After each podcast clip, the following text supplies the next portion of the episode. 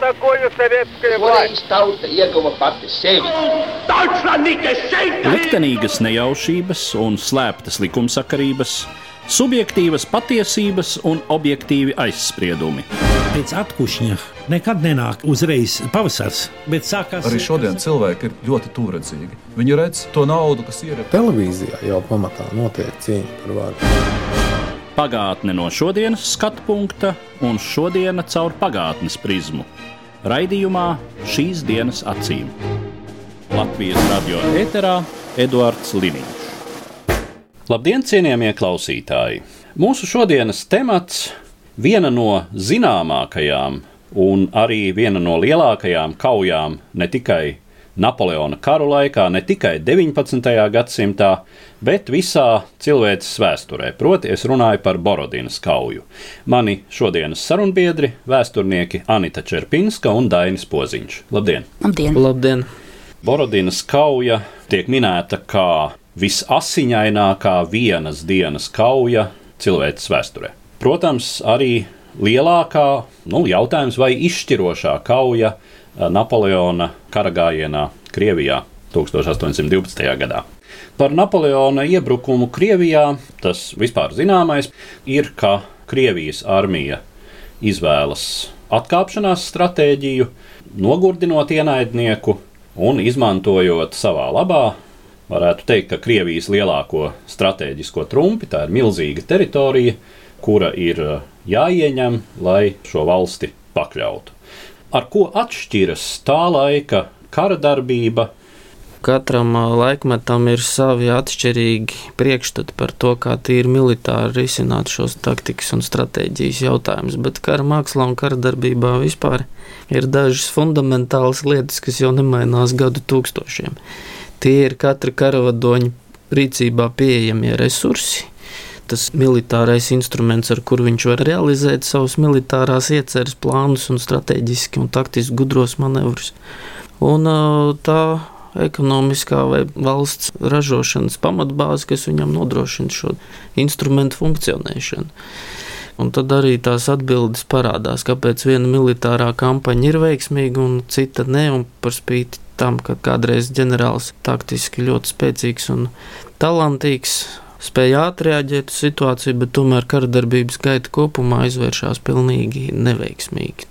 Tad, kā Hannibāls karoja pret Romu, uzvar praktiski visās kaujās, bet karu zaudē. Nu, līdzīgs stāsts ir arī ar Napoleonu. Leģendārs, talantīgs, spēcīgs karavadons, bet, ja mēs paskatāmies uz Franciju un tā laika Eiropas vēsturi 18. gadsimta beigās 19. gadsimta sākumā, ir jāatcerās tas, ka Francija jau kopš 1789. gada revolūcijas ir pastāvīgi iesaistīta kara darbībā.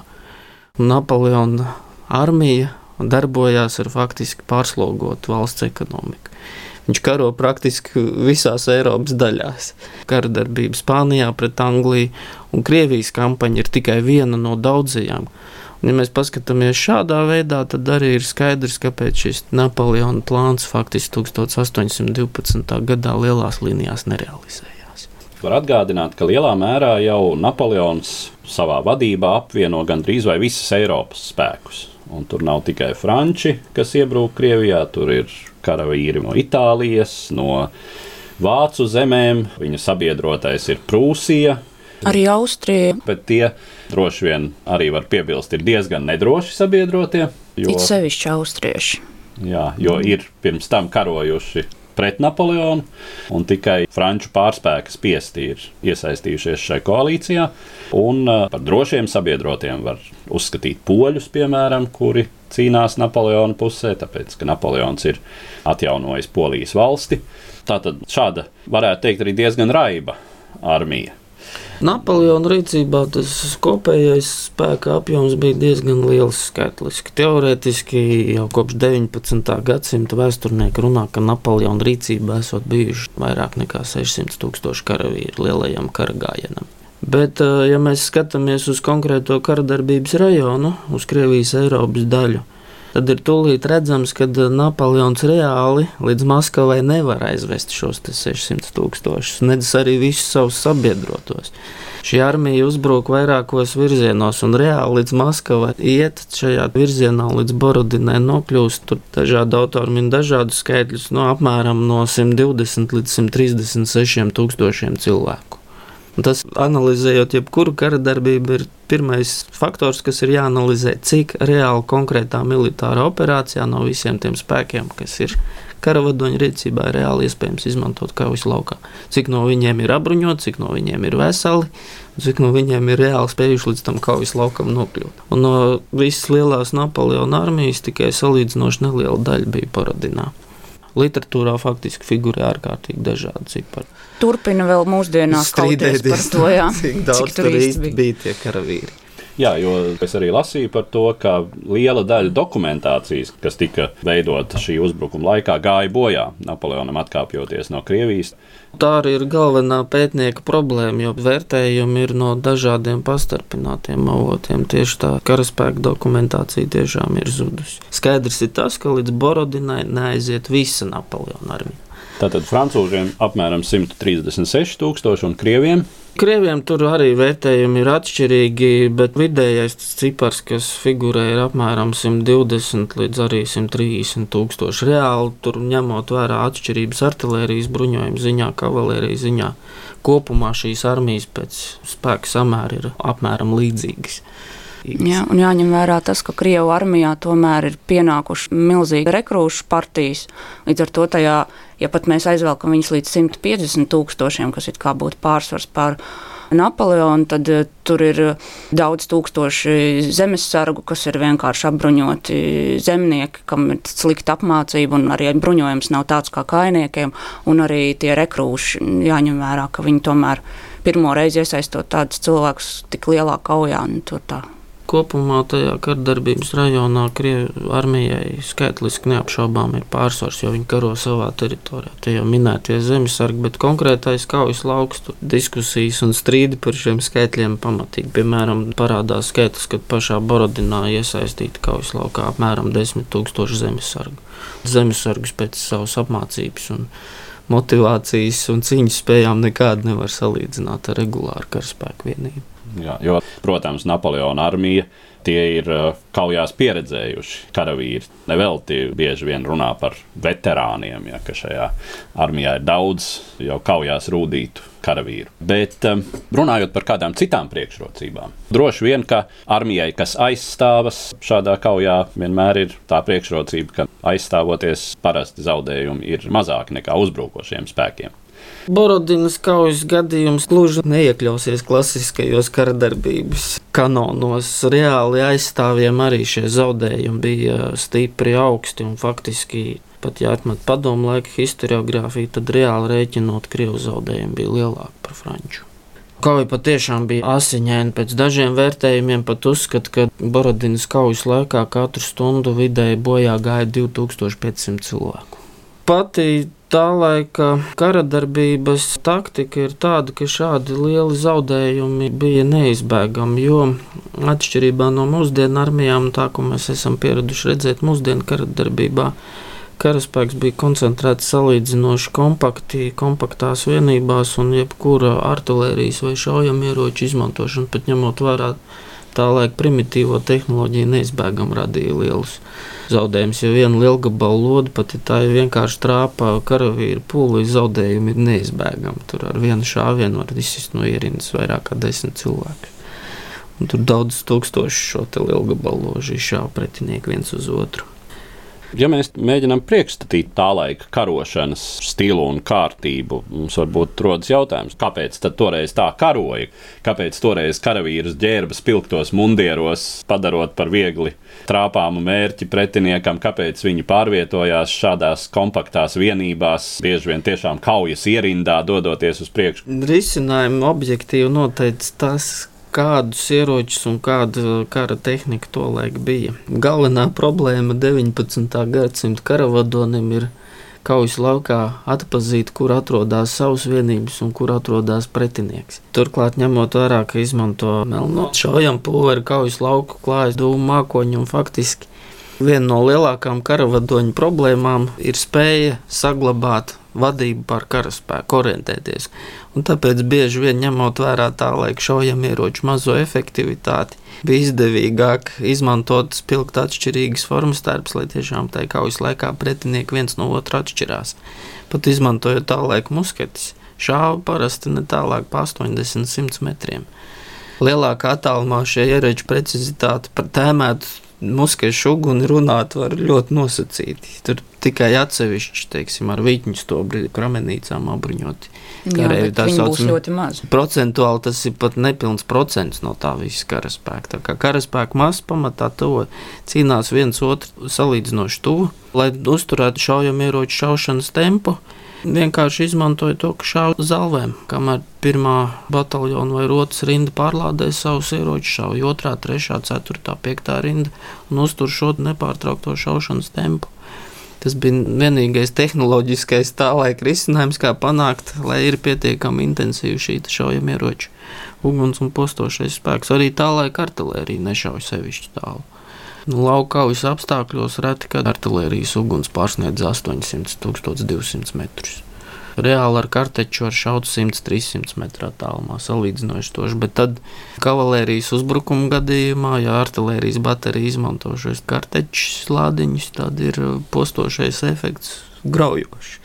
Ja mēs runājam par tiem, kuri komandē šīs armijas. Napoleons tā ir vispār zināma leģendāra personība, kura vārdu ir lasījis ik viens neizbēgami, ja ne vēstures grāmatā, tad uz brendī pudeles etiķetes. Bet par tiem karavadoņiem, komandieriem, kas ir Napoleona rīcībā un par tiem, kas ir viņa pretinieki. Manuprāt, situācija ir uh, radikāli atšķirīga starp Napoleona armiju un Krievijas impērijas armiju. Tieši šī virsnieka sastāvā izcelsmes ziņā. Krievu armijas virsnieki ir pārsvarā nāk no mužnieku kārtas.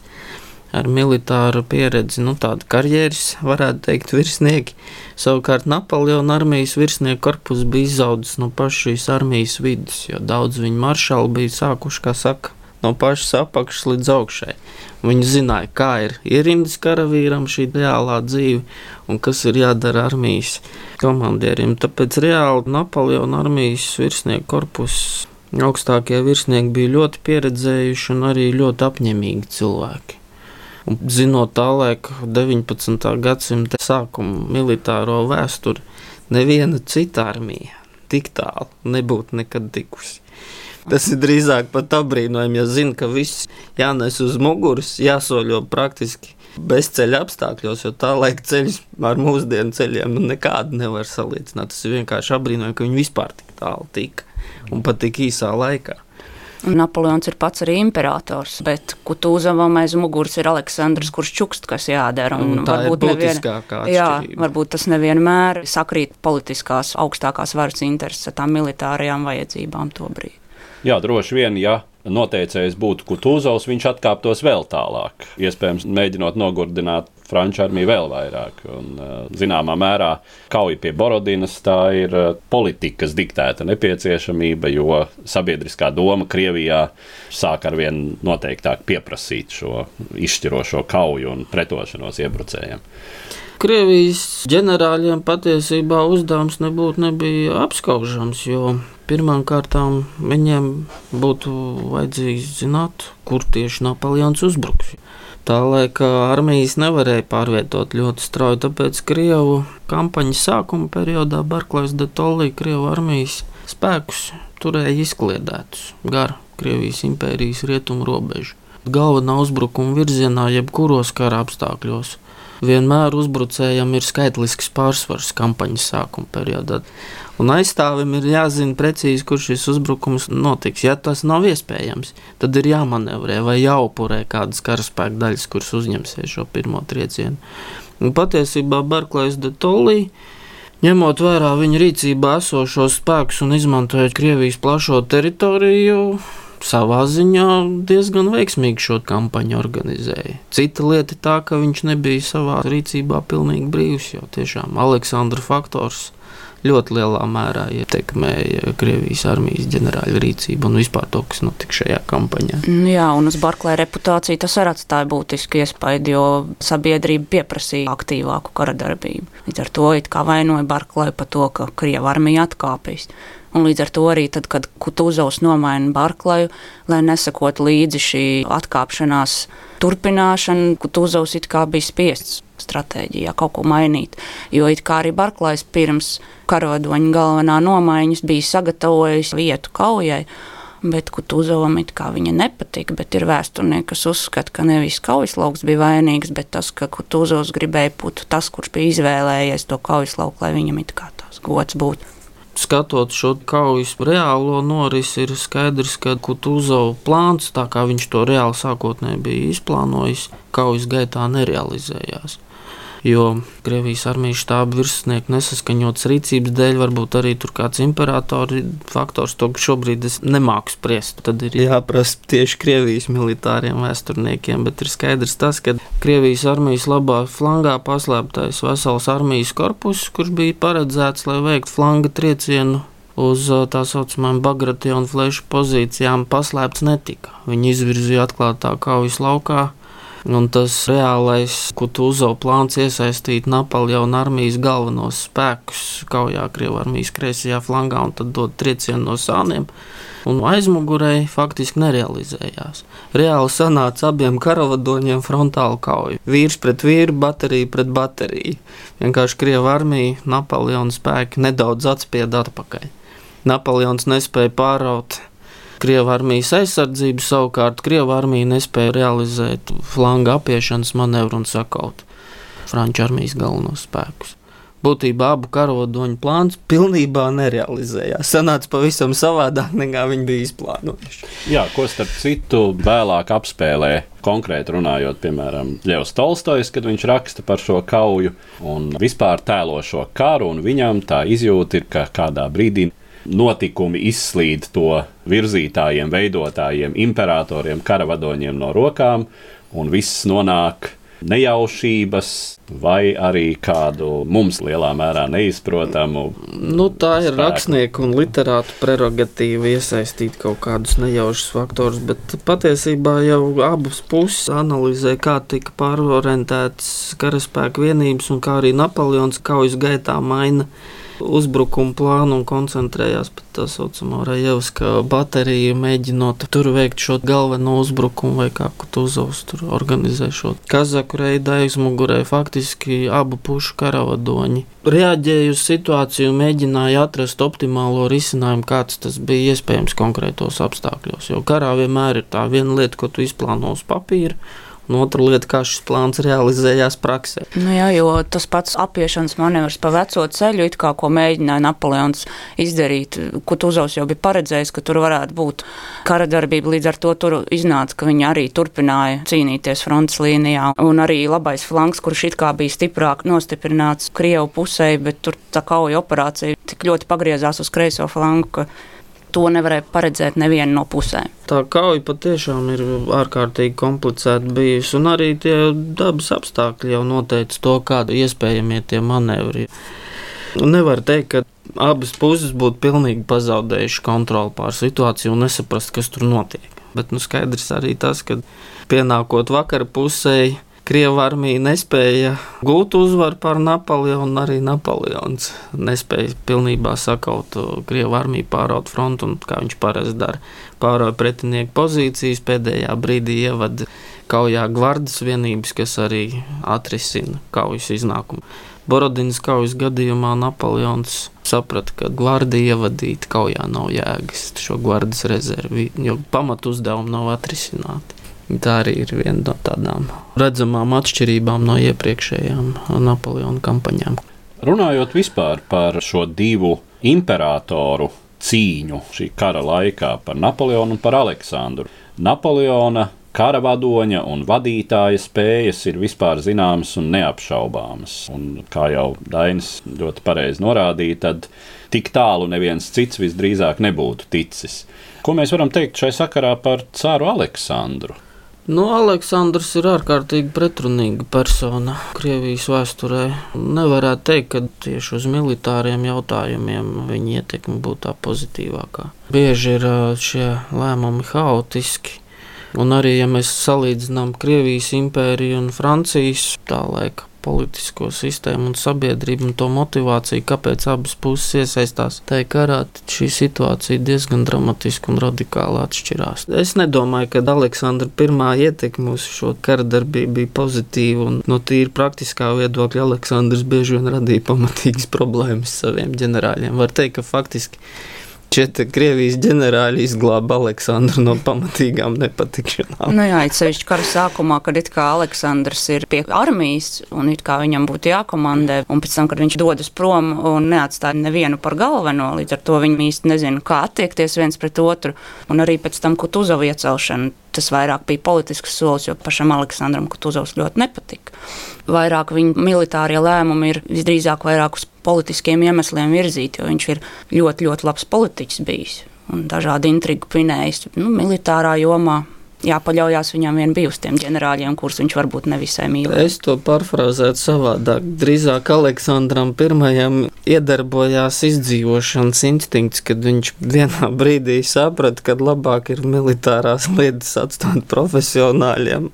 Jā, un ne tikai Aleksandrs, bet visa viņa svīta ar visiem ģenerāļiem, kur vēl dod padomus, bet paši varbūt nekad nav karojuši. Tāda tur viņam bija apkārt vesela kaudze.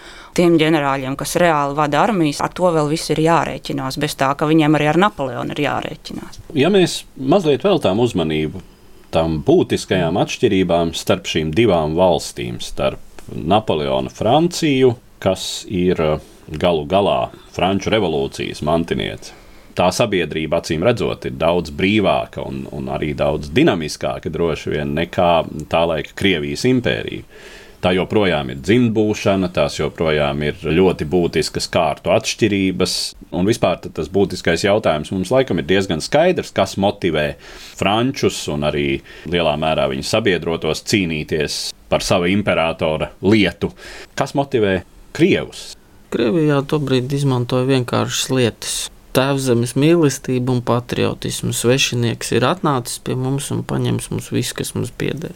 Un Krievijā tāda veida noskaņojums vienmēr kara kampaņās ir darbojies, jo vidusmēra Krievu zemnieks jau neko daudz par tām brīvībām nezināja nec par augstām konstitūcijām vai cilvēku tiesību deklarācijām. Viņš redzēja, ka te ir sveša armija, kas runā nesaprotamā valodā. Citādi tādam, tic dievam. Jā, ar vienu vārdu sakot, svešinieki. Šajā ziņā tā, lai Krievijas sabiedrībā ceram vai cer ģenerāļiem mobilizēt savu mužniecību un piedabūt, lai mužnieki mobilizē arī savu zemnieku cīņas par tā nebija nekāda problēma pilnīgi citāda situācija ar uh, Napoleona armiju, jo tiešām tie Napoleona armijas veterāni bija motivēti karavīri.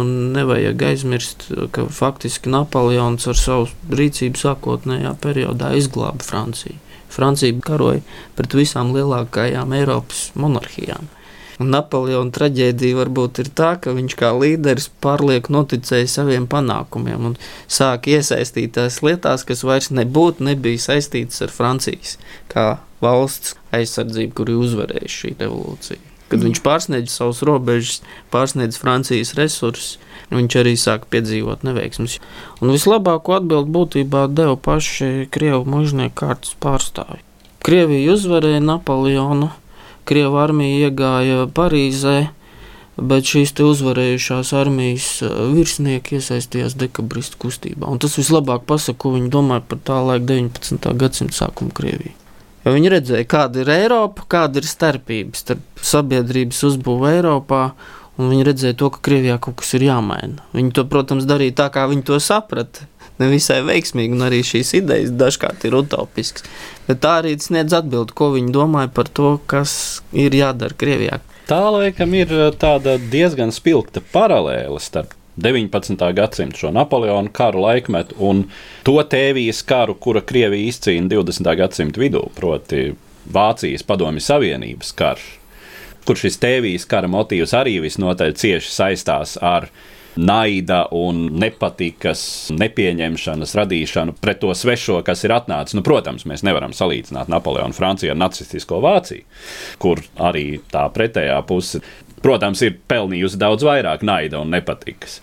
Bet tā tad šī cīnīšanās pret svešo, kas ir atnācis, un cīnīšanās visiem līdzekļiem, un tad arī, protams, bīstamība, kas rodas pašiem saskaroties ar šo Eiropu, kas ir citāda, un inficēšanos ar kaut kādām Eiropas idejām, ar kurām tad Krievijas režīmam, lai kāds tas arī nebūtu, nākas tikt galā. Tas ir viens no Krievijas vēstures paradoksiem. Ja paskatās Krievijas vēstures pēdējos tūkstošus gadus, tad vienmēr ir šīs iekšējais konflikts Krievijas valdošajās aprindās. No vienas puses viņiem tie rietumi nepatīk, un viņiem viņus patīk lamāt par visdažādākajiem jautājumiem, bet tiklīdz sākas runa par zinātni, par modi, par mākslu. Par literatūru. Krievijā šie rietumi vienmēr ir vajadzīgi. Vienalga, vai tas ir Ivans Bargais, Viņš var lamāt latīņu baznīcu, bet viņam ir vajadzīgi šie vācu lielgabalnieki, ieroču meistari, un tas pats ir ar Pēteru I. Viņš karo ar Zviedriju, bet viņš vienalga pārņem no Rietuma Eiropas militāro taktiku, reglamentus, kuģi būvs, tehnoloģijas, un šī dilēma ir visu laiku Krievijas vēsturē redzama. Un tas pats ir arī ar šo Napoleonu. Jā, Krievija uzvarēja Napoleona armiju. Bet ko dara Krievijas mužniecība? Viņi masveidā mācās franču valodu. Smalkais stils prasa, lai runātu mužnieki franču valodā.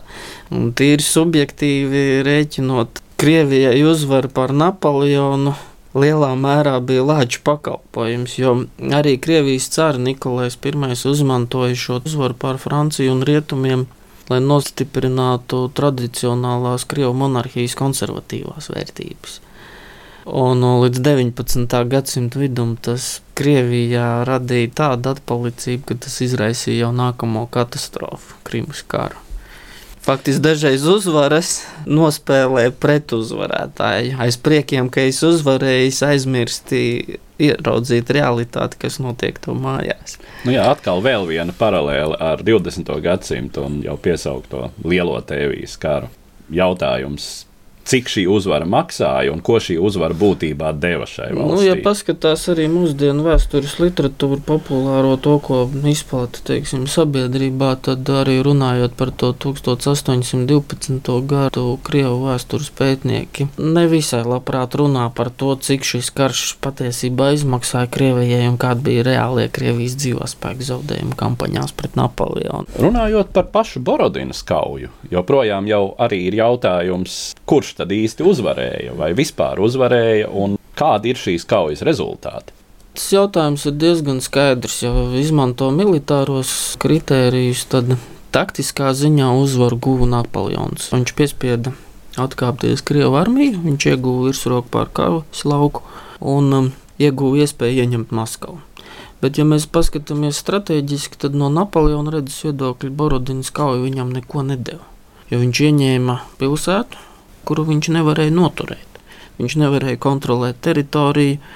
Tā kā reāli var teikt, ka no tāda stratēģijas viedokļa šī kauja ir uzskatāms par Krievijas armijas un Krievijas stratēģijas uzvaru. Pēc Borodinas kaujas Napoleons nevarēja piespiest Krieviju uzsākt miera sarunas. Aleksandrs I atteicās jebkādā veidā piekrist tiem noteikumiem, ko mēģinātu uzspiest Napoleons. Un, ja arī paskatās reāli, ko tad kontrolē Napoleons, tas ir šaura josla virzienā uz Maskavu. Krievija kā pārsvarā zemnieku apdzīvot valsts faktiski bija neieņemta. Napoleons bija izvēlējies mērķi, kurš bija vienkārši par lielu viņa armijai. Nu, Daudz par to uzvarētāju problēmu sāka Kutuzovs pats, jo viņš aizsūtīja ziņojumu uz Pēterburgu, ka viņš ir uzvarējis. Bet pēc tam viņam pašam arī nācās atkāpties. Pozīcijā konkrētajā virsroku guva Napoleons. Bet tā ir savā ziņā pirmā uzvara. Napoleons zaudēja tik daudz savu ģenerāļu un tik daudz kavalērijas, ka pēc tam viņam bija grūti jau organizēt tālāko kara darbību.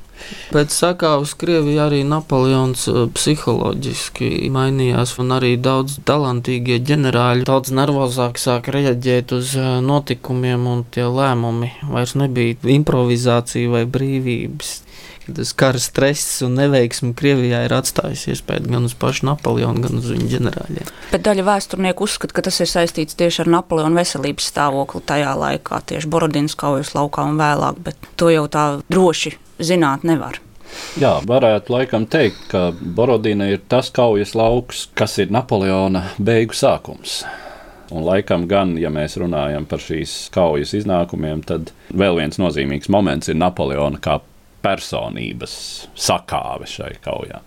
Ar to es domāju, mēs varētu arī noslēgt šo mūsu sarunu, kas bija veltīta Borodinas kaujai. Un uh, es saku paldies maniem sarunbiedriem, vēsturniekiem Anitai Čerpinskai un Dainim Poziņam.